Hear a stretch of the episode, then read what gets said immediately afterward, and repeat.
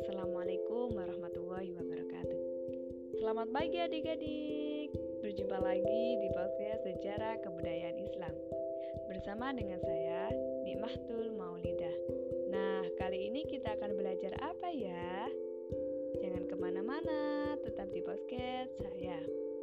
Nah, kita akan belajar sejarah kebudayaan Islam mengenai Khulafa Ar-Rasyidin.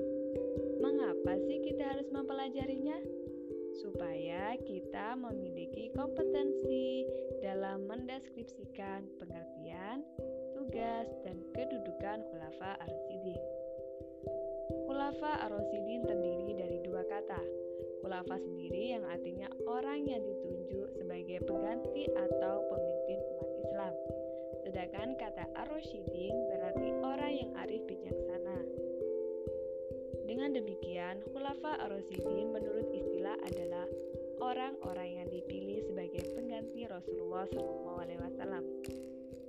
menjadi pemimpin umat Islam dan kepala negara untuk menegakkan agama Allah Subhanahu wa taala setelah Rasulullah SAW wafat. Kedudukan Khulafa Ar-Rasyidin sebagai pemimpin umat Islam serta penerus perjuangan Rasulullah SAW dan kepala negara maupun kepala pemerintahan. Tugas Khulafa Ar-Rasyidin yang pertama, melanjutkan dakwah dan risalah perjuangan Rasulullah SAW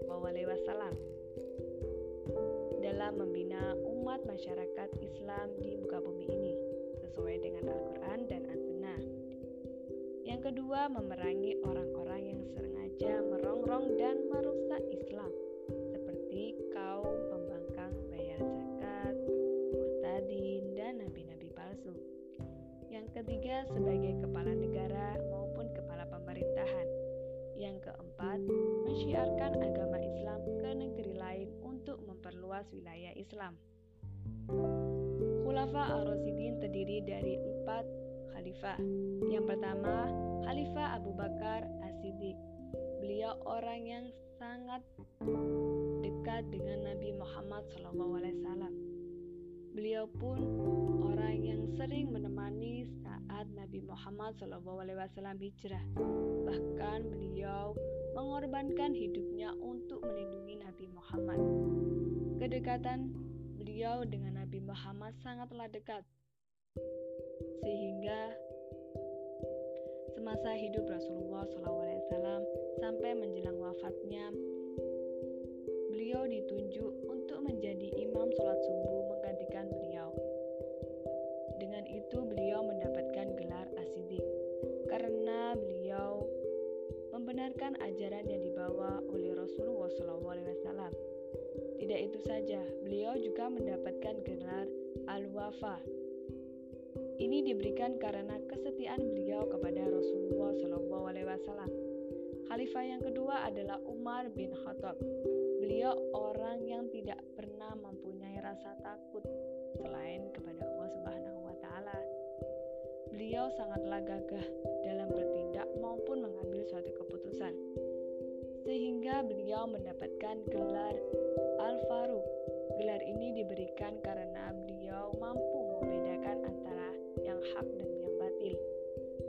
Juga mendapatkan gelar Al-Khalifatul Adil, yaitu Khalifah yang adil. Khalifah yang ketiga adalah Utsman bin Affan. Beliau orang yang sangat kaya. Begitupun dengan beliau mempunyai sifat dermawan. Tetapi bagi Utsman, semua itu hanyalah titipan. Beliau berdakwah melalui sedekah, membantu perjuangan Nabi Muhammad SAW dan selalu menolong umat Islam ketika mengalami kesulitan. Dengan begitu, beliau mendapatkan gelar Syahawa yang artinya sifat kedermawan yang luar biasa. Beliau pun juga mendapatkan gelar Dunurain yang artinya pemilik dua hati.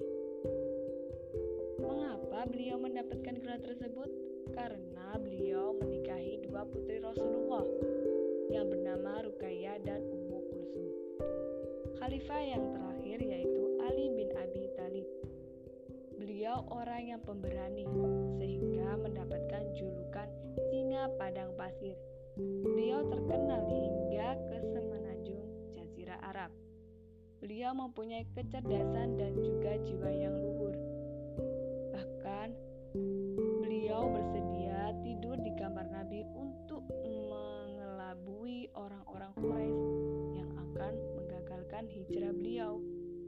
hijrah Nabi Muhammad. Setelah hijrah, beliau dinikahkan dengan Fatimah Az-Zahra.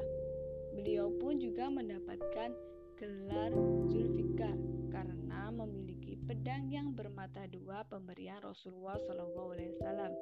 Beliau juga mendapat gelar Al-Murtaza yang artinya orang yang diridai. Selanjutnya, keutamaan sifat-sifat khulafa ar-rasyidin.